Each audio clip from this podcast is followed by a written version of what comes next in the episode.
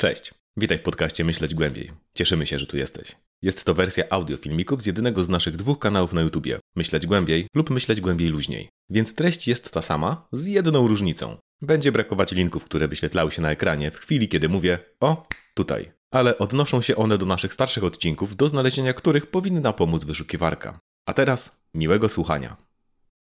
Być może spotkaliście się już z poprzednią częścią naszego wideo o 10 filarach faszyzmu Jasona Stanleya. Jeśli nie, to zachęcamy do jej nadrobienia. Ale w sumie to wideo też możesz obejrzeć bez większych problemów. Przypomnijmy tylko, że filozof komunikacji Jason Stanley opisuje coś, co nazywa polityką faszystowską, która nie musi prowadzić do faszyzmu i skupia się przede wszystkim na tym, jak to we współczesnej dyskusji politycznej powraca pewna retoryka. W poprzedniej części mówiliśmy bardziej o czymś, co Stanley określał mianem faszystowskiej nierzeczywistości, które na przykład pokazuje, jak ludzie mogą wypuszczać takie wideo i tłumaczyć, że to ci drudzy są nazistami. A dziś skupimy się na podziale my-oni. Książka nie jest rozdzielona na dwie takie części, ale skoro zdecydowaliśmy się podzielić nasze wideo, to ustaliliśmy, że tak będzie najlepiej. Zatem dzisiaj pomówimy o filarach od 5 do 10, czyli bardziej szczegółowych elementów retoryki faszystowskiej. Dla przypomnienia, streszczenie poprzednich czterech filarów to Politycy faszystowscy motywują swoje działania, zaburzając istniejące narracje historyczne i konstruując przeszłość mityczną, podpierającą ich wizję teraźniejszości. Modyfikują funkcjonujące w narodzie postrzeganie rzeczywistości, wypaczając pojęcia przez propagandę i antyintelektualizm oraz atakując system edukacji i uniwersytety, które mogłyby zakwestionować ich linię ideową. Wszystko to pozwala wytworzyć stan odrealnienia, w którym teorie spiskowe i tzw. Tak fake newsy zastępują racjonalną debatę. Resztę wprowadzenia i ważnych uwag odnośnie tego, jak lepiej zrozumieć tę książkę, a jak gorzej, znajdziecie w poprzedniej części, bo nie chcemy się powtarzać. Zatem do kolejnych filarów. Hierarchia.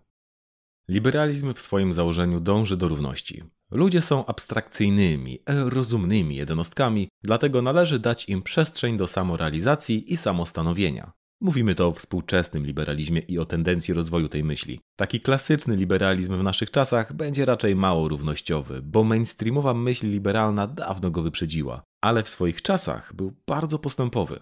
Z tym nie zgadzają się zarówno lewica, jak i prawica, bo według nich liberalizm ignoruje różnice w posiadanej władzy. Według lewicy nie jesteśmy abstrakcyjnymi jednostkami, którym tylko wystarczy wstawać wcześnie rano, a jesteśmy w konkretnych grupach i w konkretnych miejscach, przez co jednym będzie łatwiej osiągnąć tę samorealizację, bo mają władzy więcej, a innym trudniej, bo mają jej mniej. Więc takie wmawianie równości to po prostu przyklepywanie statusu quo. Prawica natomiast uważa, że większość jest większością nie bez powodu, a z przyczyn naturalnych. Większość jest sprawdzona i stosuje sprawdzone sposoby życia, a liberalizm niesłusznie osłabia jej władzę na rzecz jakichś mniejszościowych eksperymentów.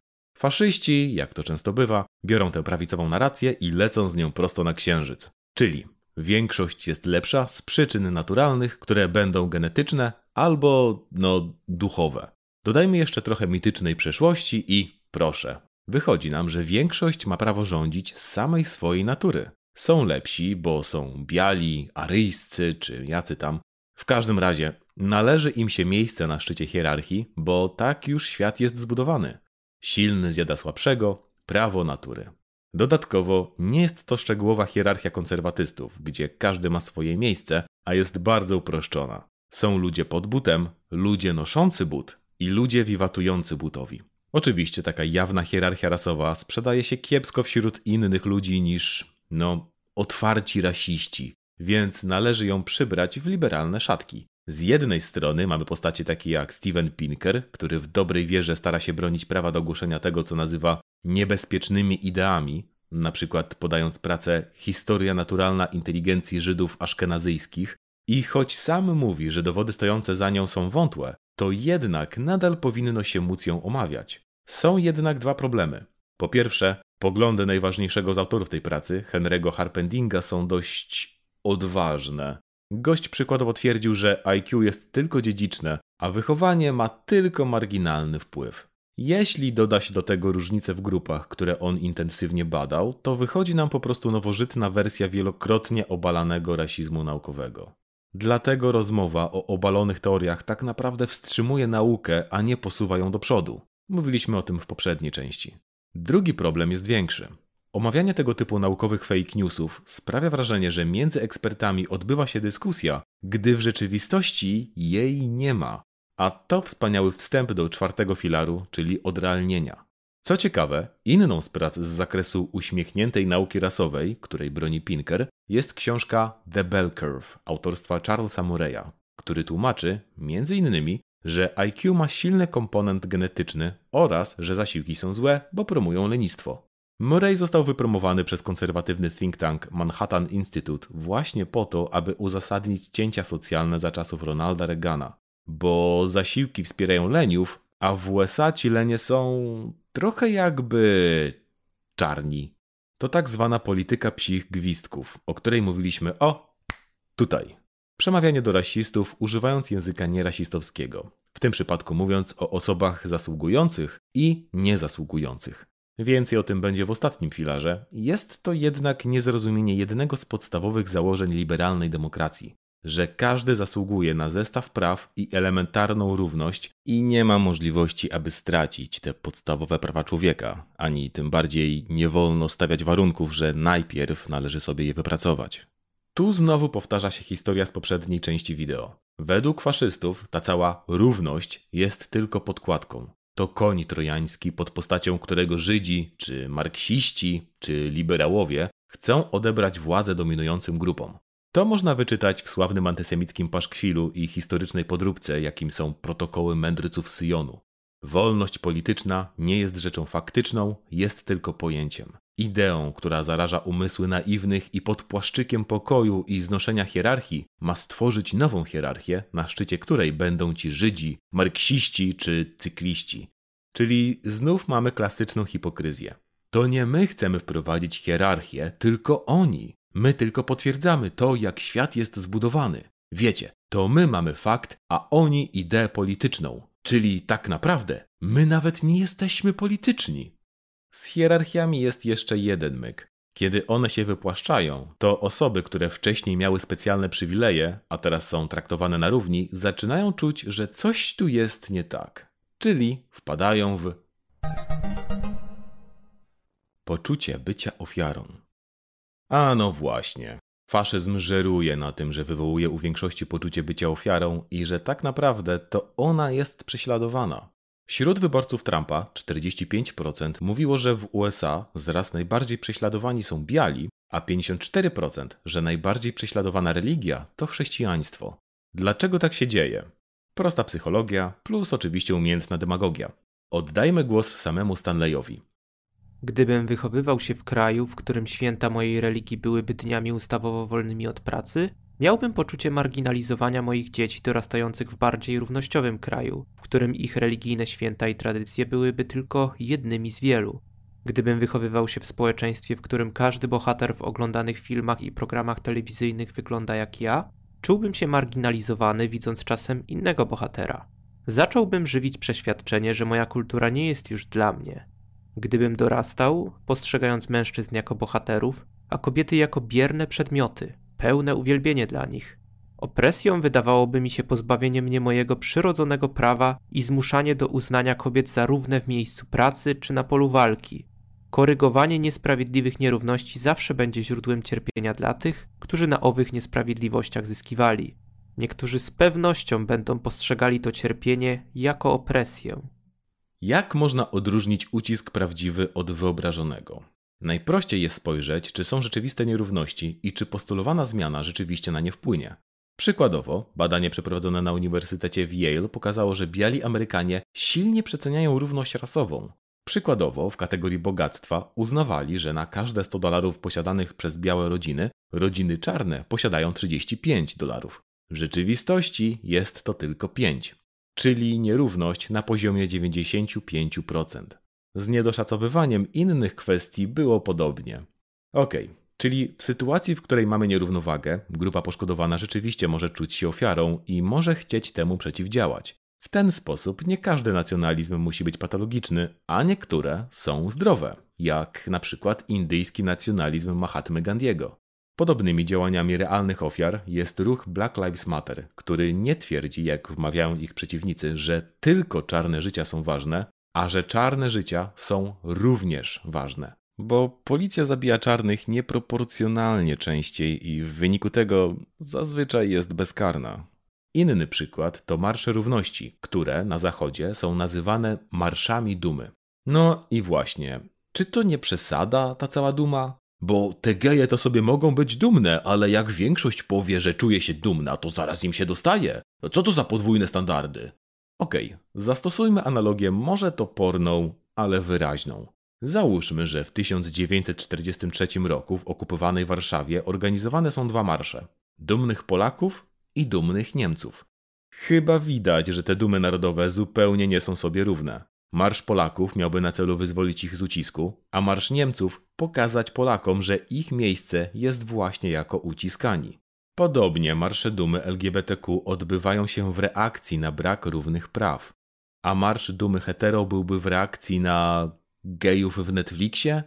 No, byłaby to po prostu reakcja na zdobywane przez osoby LGBTQ równe prawa. Jeśli osoby LGBTQ chcą zyskać prawo do małżeństw jednopłciowych, to Marsz Dumy Hetero nie chce bynajmniej walczyć o prawo do małżeństw osób różnej płci, tylko w najgorszym przypadku chce powstrzymać to pierwsze prawo, a w najlepszym przypadku pokazać, że hetero też istnieją i są ważni. Jednak w obu wersjach byłaby to reakcja na równe prawa zdobyte przez kogoś innego. Stąd poczucie bycia ofiarą. Kiedy osoby wcześniej uprzywilejowane albo tracą część władzy, na przykład kiedy kobiety zyskały prawo do głosu, albo nic nie tracą, ale przywilej jest rozszerzany, jak w przypadku małżeństw jednopłciowych, bo szczerze, mało kto uważa się za osobę uprzywilejowaną, a większość ludzi uważa się za osobę normalną, zwłaszcza jeśli wiedzie im się dobrze. W końcu znają tylko jedną perspektywę na życie swoją własną. Są osoby bardziej uprzywilejowane od nich i osoby mniej, ale jeśli ich to za bardzo nie boli, to nie widzą ze swoją sytuacją żadnego problemu. Od zarabiają te 20 tysięcy miesięcznie, ale to chyba każdy by potrafił, tylko po prostu musiałby wziąć się za siebie. I trudno kogoś oskarżać o takie bezrefleksyjne podejście, bo jednak bezrefleksyjność jest naturalnym stanem człowieka. Jeśli całe życie znajdowaliśmy się w danej sytuacji, na przykład finansowej, to nie roztrząsamy jej, a jest dla nas po prostu normalna. Za to bycie w gorszej sytuacji jest na tyle bolesne, że motywuje do autorefleksji, choć oczywiście jej nie gwarantuje. Musimy jeszcze podkreślić jedną ważną kwestię. Nie każdy, kto wygląda na uprzywilejowanego, takim jest. Tu przykładem jest ruch MRA, czyli aktywistów praw mężczyzn, którzy nie czują, że korzystają z tego mitycznego patriarchatu, zwłaszcza ci biedniejsi. Okazuje się, że na patriarchacie zyskują tylko niektórzy mężczyźni, głównie ci bogatsi, podobnie jak w przypadku rasizmu. Zdrowym rozwiązaniem takiego bycia poszkodowanym jest walka o wyrównanie nieuczciwości wprowadzanych przez te struktury, czyli na przykład pokazanie, że patriarchat tworzy ideał mężczyzny, który w rzeczywistości trudno spełnić.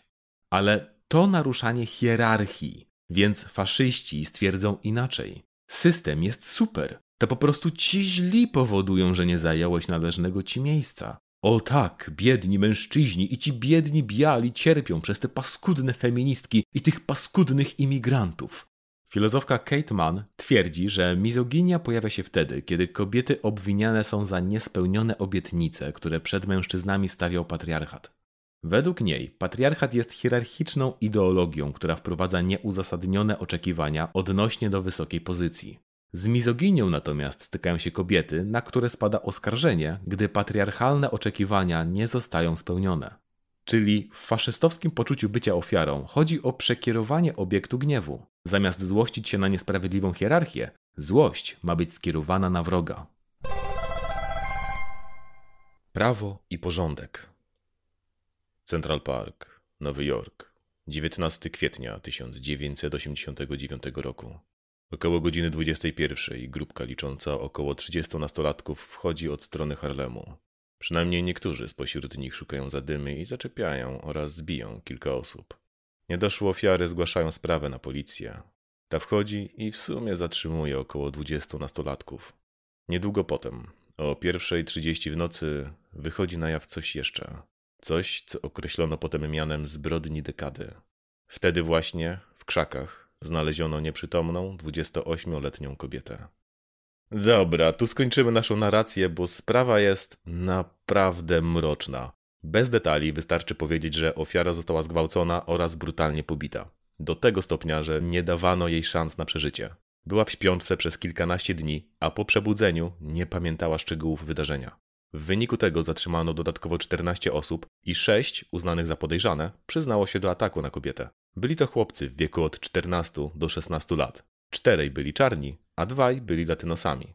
Ostatecznie pięciu z nich przyznało się do winy. Po tym, jak byli przesłuchiwani przez kilka godzin bez sprzętu nagrywającego i bez obecności adwokata. Od tej pory byli znani jako piątka z Central Parku.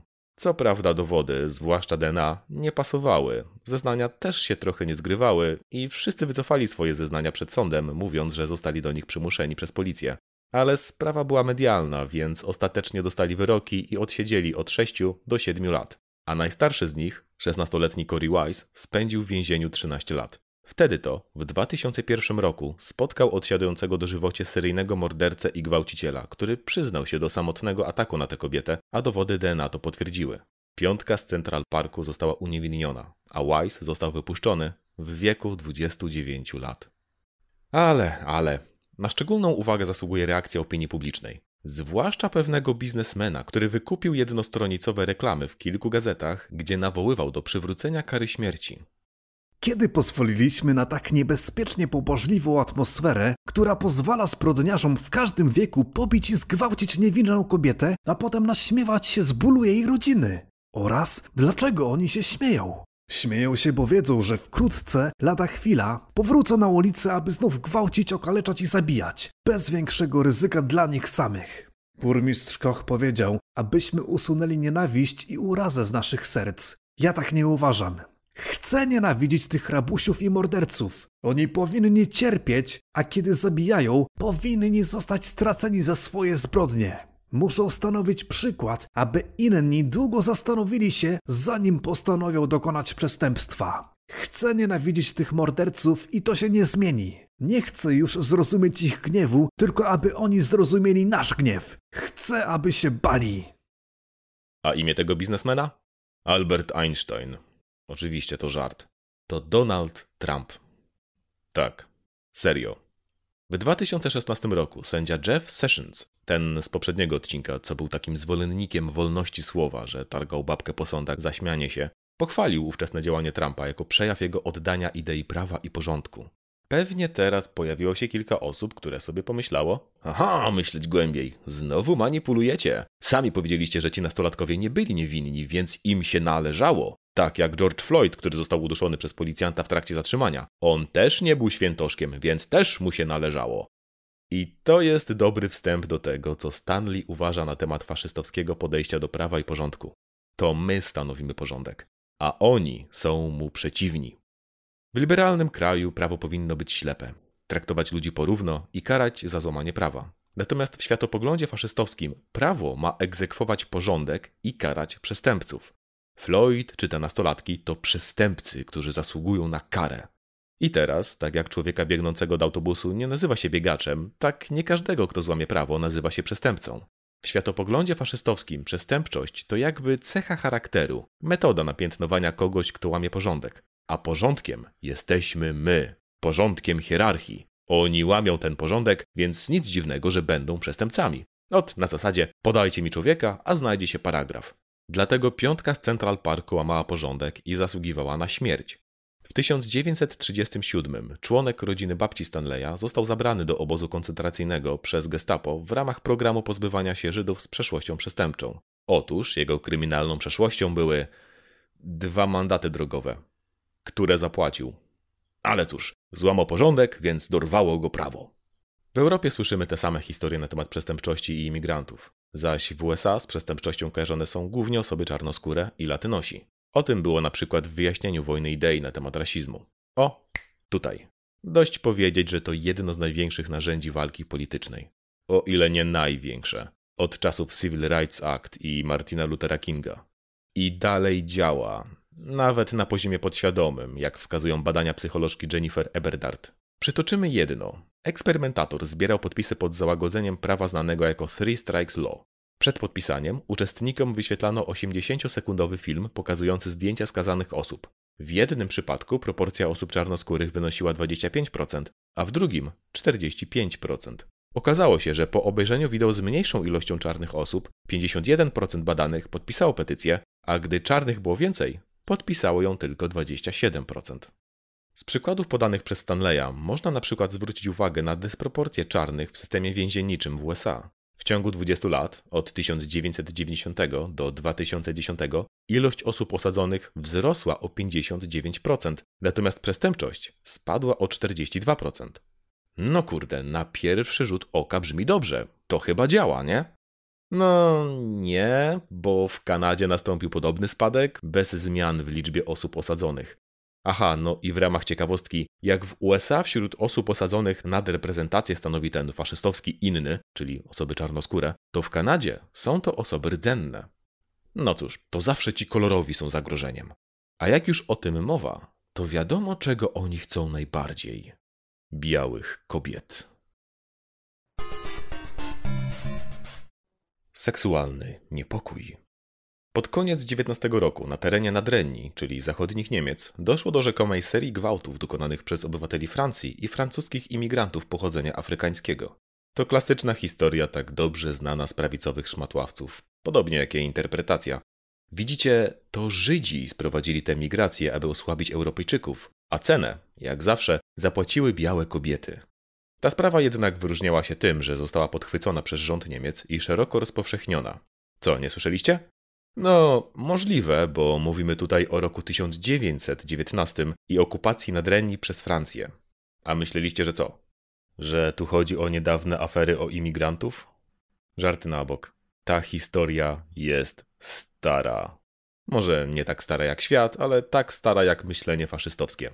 W USA dochodziło do całych zmyślonych plag gwałtów, gdzie gwałcicielami byli najpierw czarni, a potem, w sławnym przemówieniu Trumpa, Meksykanie. A jeszcze potem syryjscy uchodźcy w Twin Falls, gdzie ojcowie rzekomo przybijali piątki synom za to, jak dobrze gwałcili. Czy musimy zaznaczać, że w Twin Falls nie było syryjskich uchodźców? Ani gwałtów? W Indiach, gdzie rządzi prawicowe BJP, muzułmanie dokonywali rzekomego miłosnego dżihadu. Swoją drogą świetna nazwa na reboot Austina Powersa. Podobnie w Mianmie rozpowszechniano na Facebooku pogłoski o Rohingyach, a współcześnie w Europie imigranci z krajów arabskich i afrykańskich, jak powszechnie wiadomo, pustoszą Zachód do tego stopnia, że powstał mem Szwecji już nie ma. Wzbudzanie takiego niepokoju seksualnego to klasyczny chwyt faszystowski i ma dwa aspekty. Jeden, ci brutalni obcy kalają nasze kobiety i niszczą naszą rasę, bo dwa, ponieważ nasi mężczyźni są zbyt słabi i zniewieściali. Zagrożenie dla męskości ma też dwie warstwy. Jedną z nich jest podkopywanie roli faszystowskiego wodza, który przecież jest ojcem narodu i jego obrońcą, a drugą podkopywanie ojców rodzin, którzy przecież według ideologii faszystowskiej powinni być w stanie zapewnić bezpieczeństwo i przetrwanie swoim córkom i żonom. Jeśli jeszcze pamiętasz, w poprzedniej części mówiliśmy, jak retoryka faszystowska zawsze wspomina o kobietach w rolach tylko podległych mężczyznom. A kiedy nastają czasy niepokoju ekonomicznego i ojcowie czują, że nie są w stanie utrzymać rodziny, to takie przemawianie do niepokoju seksualnego trafia na podatny grunt. Uff, już się bałem, że to ze mną jest coś nie tak, a to przez tych uchodźców i LGBT. Rzeczywistość jest inna. To autentyczne problemy ekonomiczne oraz niewydolność i nieuczciwość systemu, na co faszyści niby próbują zwrócić uwagę, ale zaraz potem ją odwracają. A mało kto nadaje się do odwracania uwagi równie bardzo jak te LGBT, a konkretniej rozmywanie się tradycyjnych męskich i żeńskich ról płciowych. Największym straszakiem, bo aż podwójnym, są trans kobiety. Z jednej strony straszy się, że trans kobiety mogą wchodzić do żeńskich toalet i atakować tam nasze żony i córki. A nie mogą tego zrobić jako cispłciowi mężczyźni, bo nie przepuści ich pole siłowe zamontowane w drzwiach do każdej toalety? Jakby, nie wiem, co tacy ludzie sobie myślą? W każdym razie, myślą, że ci cispłciowi mężczyźni mogą przejść przez skomplikowany i długotrwały proces tranzycji, stać się trans kobietami i cyk, wszystkie drzwi toalet przed nimi otwarte, gdzie drżą nasze zalęknione żony i córki. E, tu chcemy pozdrowić osoby, które będą o tym pisać w komentarzach i przytoczą statystyki. Powtarzam, statystyki takich przypadków. Dobra, odkładając złośliwości na bok. Jeśli spróbujemy wprowadzić to, co tak zwane bathroom bills chcą zrobić w USA, czyli zmusić osoby transpłciowe do korzystania z toalet odpowiednich dla ich płci metrykalnej, to będzie wiązać się ze znacznie większym ryzykiem przemocy dla nich. Ale dla polityki faszystowskiej to nie jest żaden problem, a wręcz rozwiązanie, bo tylko większość ma prawo czuć się bezpiecznie, a ta mniejszość, no, ma prawo czuć się zaszczuwaną. Bo w końcu dla faszystów niemożliwa jest współpraca w różnorodności. Albo my, albo oni. Za to drugi straszak jest o wiele ciekawszy, bo jest prawdziwy, w sensie, że odbywa się w ich głowach, ale bez przełożenia na świat zewnętrzny, więc przynajmniej mówią, co myślą. Jak pisze Julia Serrano w Weeping Girl, w hierarchii płciowej skupionej wokół męskości, gdzie zakłada się, że mężczyźni są lepsi od kobiet, a męskość od kobiecości, żadne zagrożenie nie wydaje się większe niż istnienie transkobiet, które mimo bycia mężczyznami i odziedziczenia przywileju męskiego wybrały bycie kobietami. Obejmując własną żeńskość, w jakimś sensie rzucamy cień wątpliwości na tę rzekomą wyższość męskości. Aby zmniejszyć to zagrożenie, nasza kultura, głównie za pośrednictwem mediów, sięga po każdą taktykę z arsenału tradycyjnego seksizmu, aby nas umniejszyć. Korzystając z takich taktyk, politycy faszystowscy mogą pośrednio podkopywać ideały wolności. Wolność ekspresji tożsamości płciowej staje się zagrożeniem dla kobiet. Wolność ekspresji seksualnej zagrożeniem dla dzieci. E, jak może mieliście okazję słyszeć z jakiejś przejeżdżającej ciężarówki. Podobnie wolność do aborcji. Więc jeśli zastanawiałyście się kiedykolwiek, dlaczego przeciwnicy aborcji tak skupiają się na zakazach, a nie na przykład na pomocy niechcianym dzieciom czy promocji adopcji, to już wiecie.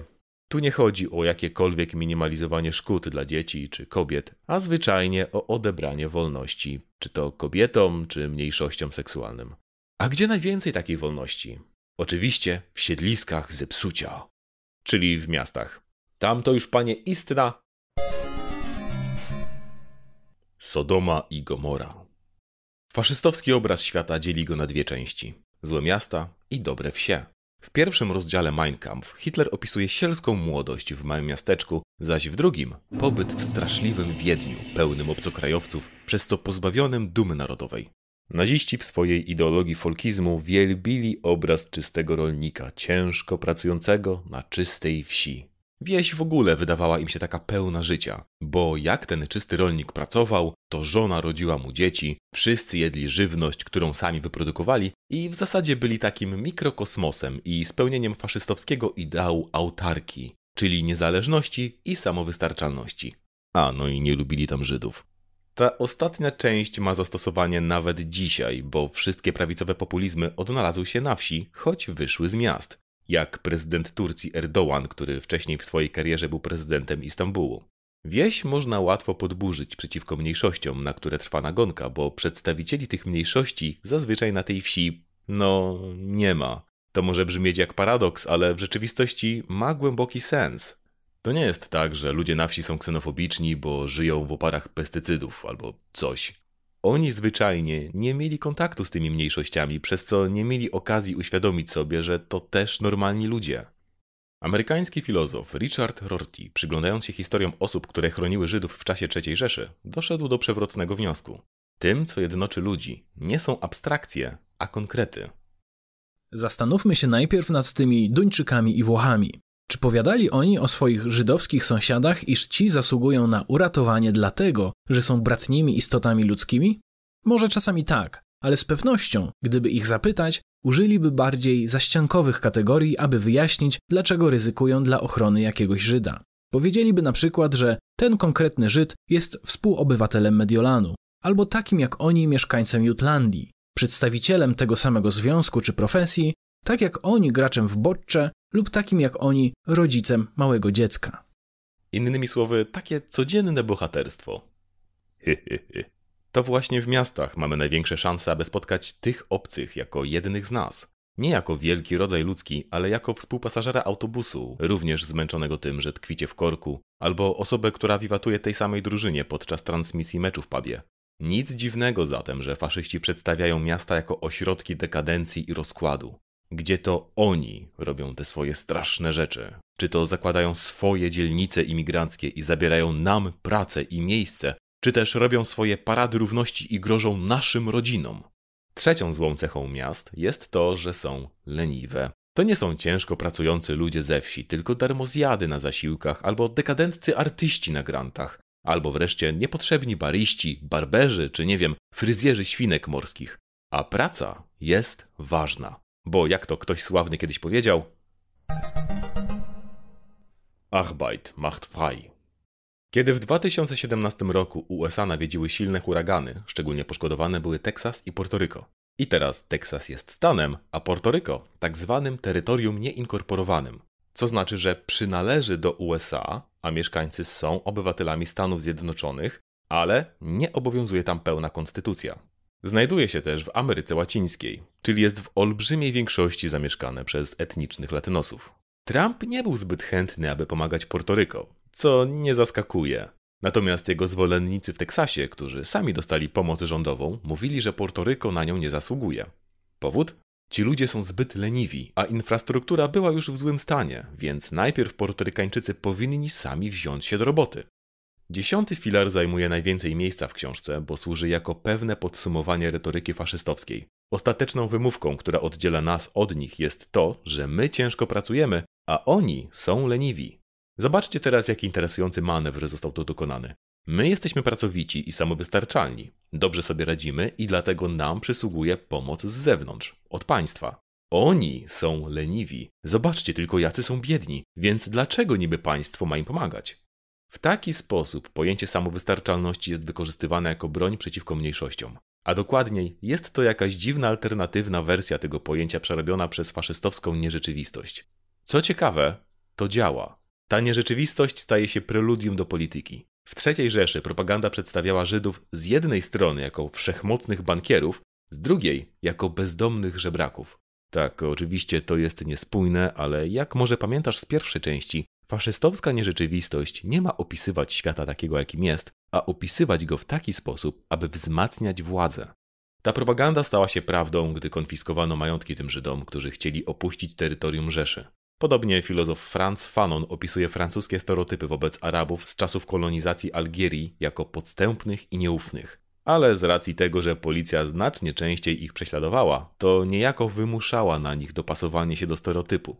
Czyli widzimy, że ten podział na pracujących i leniwych w rzeczywistości ma uzasadniać już istniejącą hierarchię my-oni.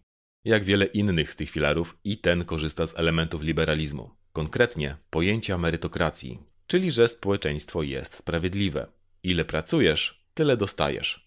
Jak już widzieliśmy, to oczywiście bzdura. Dostajesz, jeśli jesteś jednym z nas. Tracisz, jeśli jesteś jednym z nich.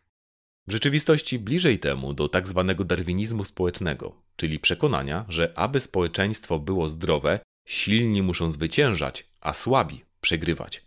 To mylna XIX-wieczna koncepcja oparta na równie mylnym XIX-wiecznym rozumieniu ewolucji. Widzicie, wtedy Darwin był nowinką i hitem, dlatego często się na niego powoływano, często błędnie. Jedną z takich interpretacji jest ewolucja jako przetrwanie najsilniejszych, według której zwierzęta, jako zupełnie niezależne jednostki, walczą między sobą i zwyciężają najsilniejsze, dzięki czemu wzmacniają swój gatunek, który będzie w stanie wyprzeć gatunki słabsze. Tylko Teraz wiemy, że ewolucja jest czymś bardziej skomplikowanym, a zarówno zwierzęta, jak i gatunki nie są niezależne, a są częścią ekosystemów, z którymi muszą współgrać. Darwinizm społeczny to nic innego jak tylko przeniesienie XIX-wiecznej myśli politycznej na pole biologii, gdzie po prostu gatunki zajęły rolę imperiów, a pojedyncze zwierzęta żołnierzy, robotników czy urzędników. Oczywiście faszyści wszelkiej maści uwielbiają darwinizm społeczny, bo daje wymówkę do ustalania hierarchii i korzystania z wszelkich możliwych środków w walce o przetrwanie, czyli tego, o czym była mowa we wszystkich tych filarach. Podział my, oni, jako pracujący i dermozjady, to, jak widzieliśmy, nie tyle kryterium realnego podziału, co kolejna wymówka, aby zadbać o swoich, a pognębić obcych.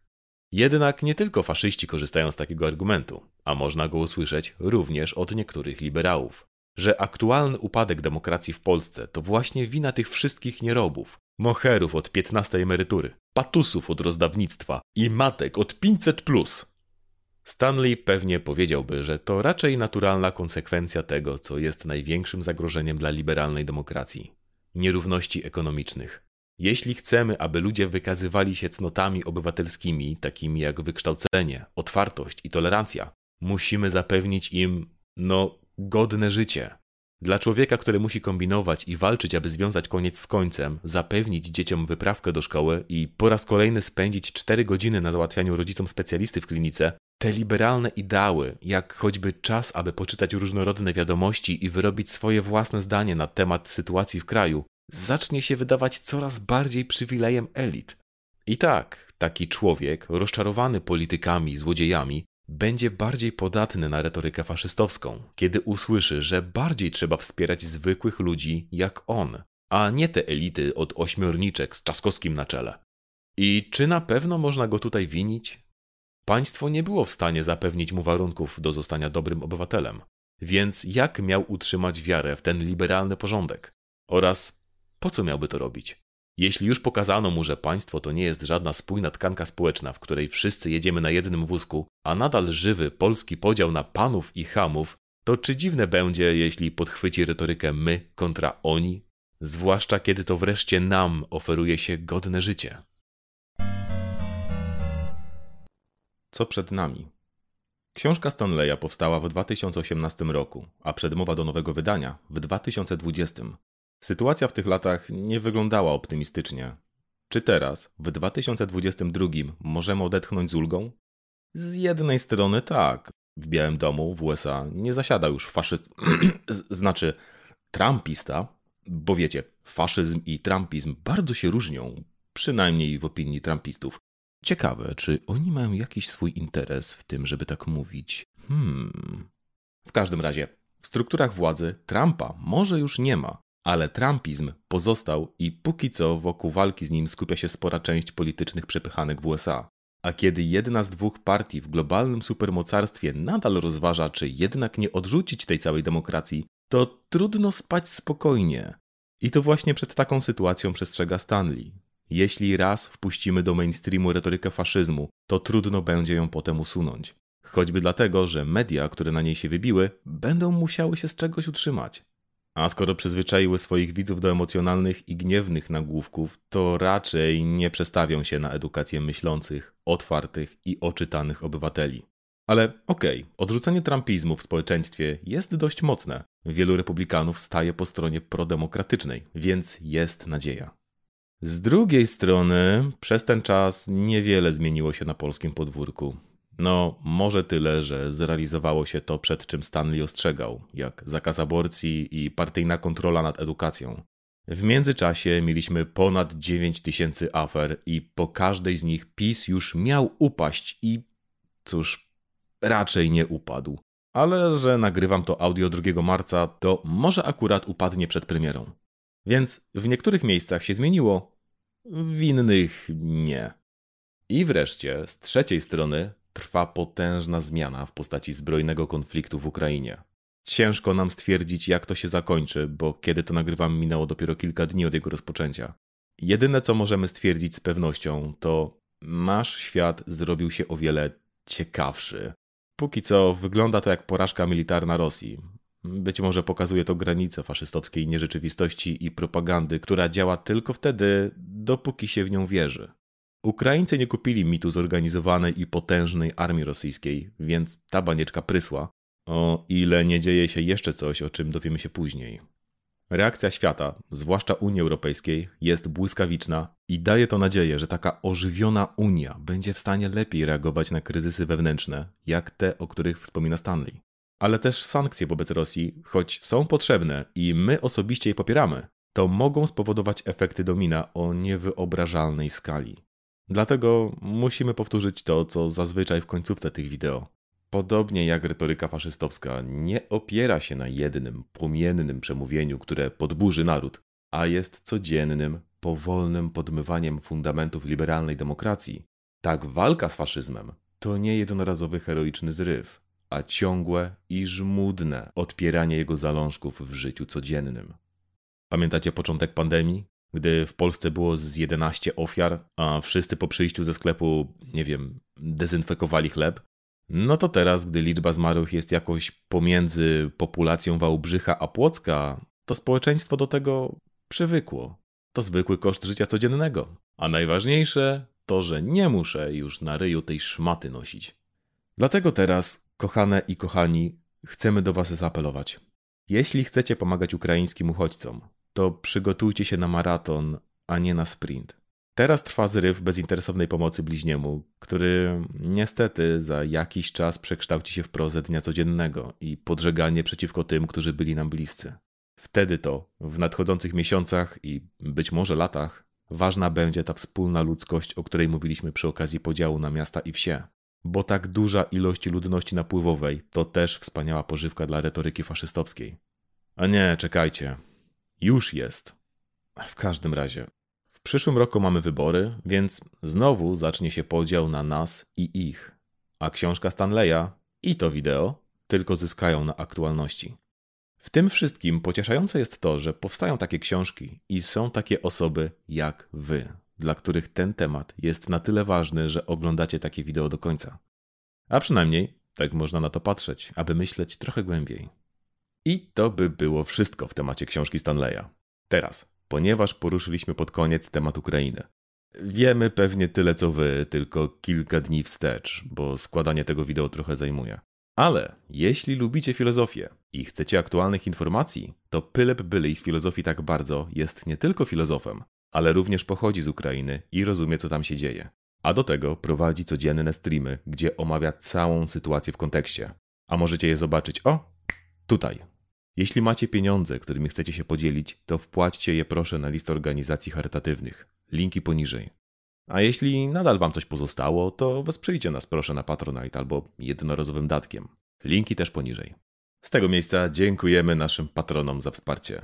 A między innymi to Adam Bonusiak, Adam Kępiński, Czabata, DDDDDDDDD, Jean, Jacek Kiliański, Janusz Grażyński, Nulenstein, Konrad Wawrowski, Król i Królik, Loken, Małgorzata Sajnok, Mariusz Wo, Mr. Fox, Mordechaj Gumibaum, Ouli, Patrycja, Paweł Litwinowicz, Praptak, Rafał Podgórski, Sachi, Sushi oraz Wodzu Metal.